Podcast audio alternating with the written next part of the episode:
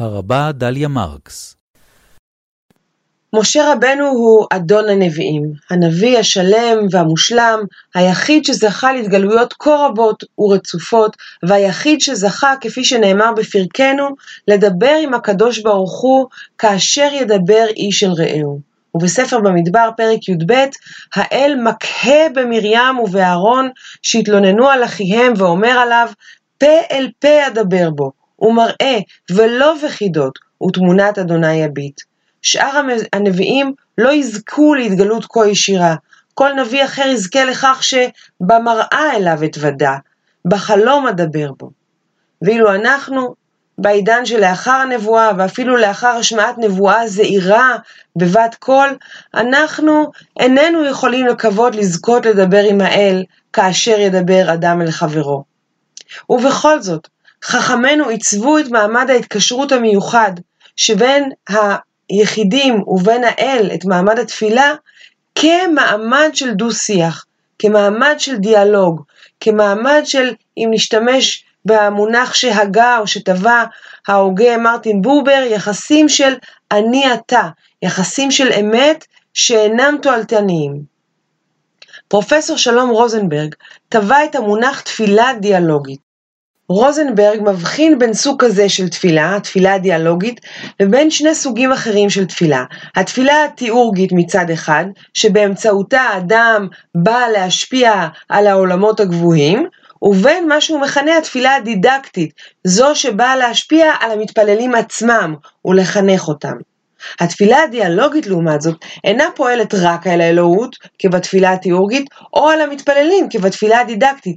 אדרבה, היא מעמידה במרכז את הדיאלוג, את האפשרות לקשר של אמת, לקשר חי שבין האדם ובין קונו.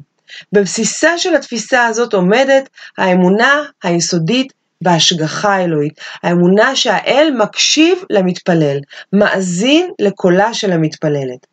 פרופסור אורי ארליך כותב על כך בספרו "כל עצמותיי תאמרנה, השפה הלא מילולית של התפילה", ואני מקריאה מעמוד 205, הוא עומד כך, הוא אומר כך, המעמד שנוצר משקף לא רק יחס מעין בין אישי מצד האדם העומד ומדבר, אלא גם יחס מעין בין אישי מצד האל, השומע ומאזין.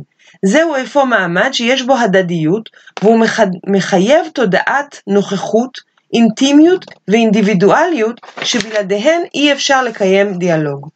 המעמד מוביל לחוויה דתית אינטנסיבית, אך זו אינה חורגת ממסגרת החוויה הנפשית המוכרת מחיי היומיום, ובכך הוא בעצם אומר שזה שונה מחוויה מיסטית, מחוויה דתית מיסטית שבאמצעותה האדם מתנתק מן העולם, בעצם יוצא מגדרו, יוצא מעולמו.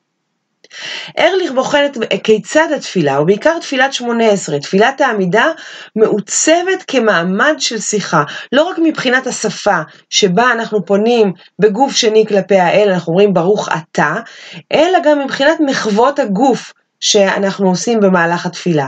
הוא טוען שרוב רובן של המחוות הגופניות בתפילה, יש להן יסוד ומקור טבעי, הן לקוחות מהעולם של יחסים בין בני אדם. למשל, עצם העמידה, אדם עומד כעבד בפני רבו, השחייה, הצעידה אחור בסיום התפילה וכולי. המעמד הדיאלוגי המיוחד הזה מתואר באופן מזוקק ונוגע ללב במיוחד במסכת ברכות בתלמוד הבבלי. דאמר רבי פנחס בשם רב יהודה בר סימון, עבודה זרה נראית קרובה ואינה אלא רחוקה. סוף דבר אלוהו עמו בבית, והוא צועק עד שימות ולא ישמע ולא ישיע מצרתו. כביכול עבודה זרה היא משהו מאוד קרוב, לאדם יש פסל, יש איזשהו צלם שהוא מחזיק מאוד קרוב אליו, ולכאורה זה משהו מאוד קרוב, אבל האדם יכול לצעוק עד שימות, ובעצם אותה אלוהות זרה לא תושיע אותו מצערו. אבל הקדוש ברוך הוא נראה רחוק ואין קרוב ממנו. דאמר לוי מהארץ ועד לרקיע, מהלך ה' מאות שנה, 500 שנה מהארץ עד הרקיע, ומרקיע לרקיע מהלך תק שנה, עוד פעם מהלך 500 שנה, ועוביו של רקיע תק שנה, וכן לכל רקיע ורקיע. זאת אומרת, הקדוש ברוך הוא מאוד מאוד רחוק מהעולם. אדלג מעט, ראה כמה גבוה הוא מעולמו. ועכשיו הפואנטה. ואדם נכנס לבית הכנסת, ועומד אחורי העמוד, ומתפלל בלחישה, והקדוש ברוך הוא מאזין את תפילתו. האינטימיות, הקרבה הזאת שבין הקדוש ברוך הוא, שהוא כל כך גבוה מעולמו, ובין המתפלל או המתפללת, חוצים את המרחק הבלתי נתפס, את המרחק האינסופי בין האנושי ובין האלוהי, בין הארצי ובין השמימי. ובמובן הזה המאוד יומיומי, מאוד שגרתי, מאוד לא יוצא דופן, הרי שלא רק משה רבנו זוכה לדבר עם הקדוש ברוך הוא כאשר ידבר איש אל רעהו, אלא כל מי שיחפצו בכך באמת.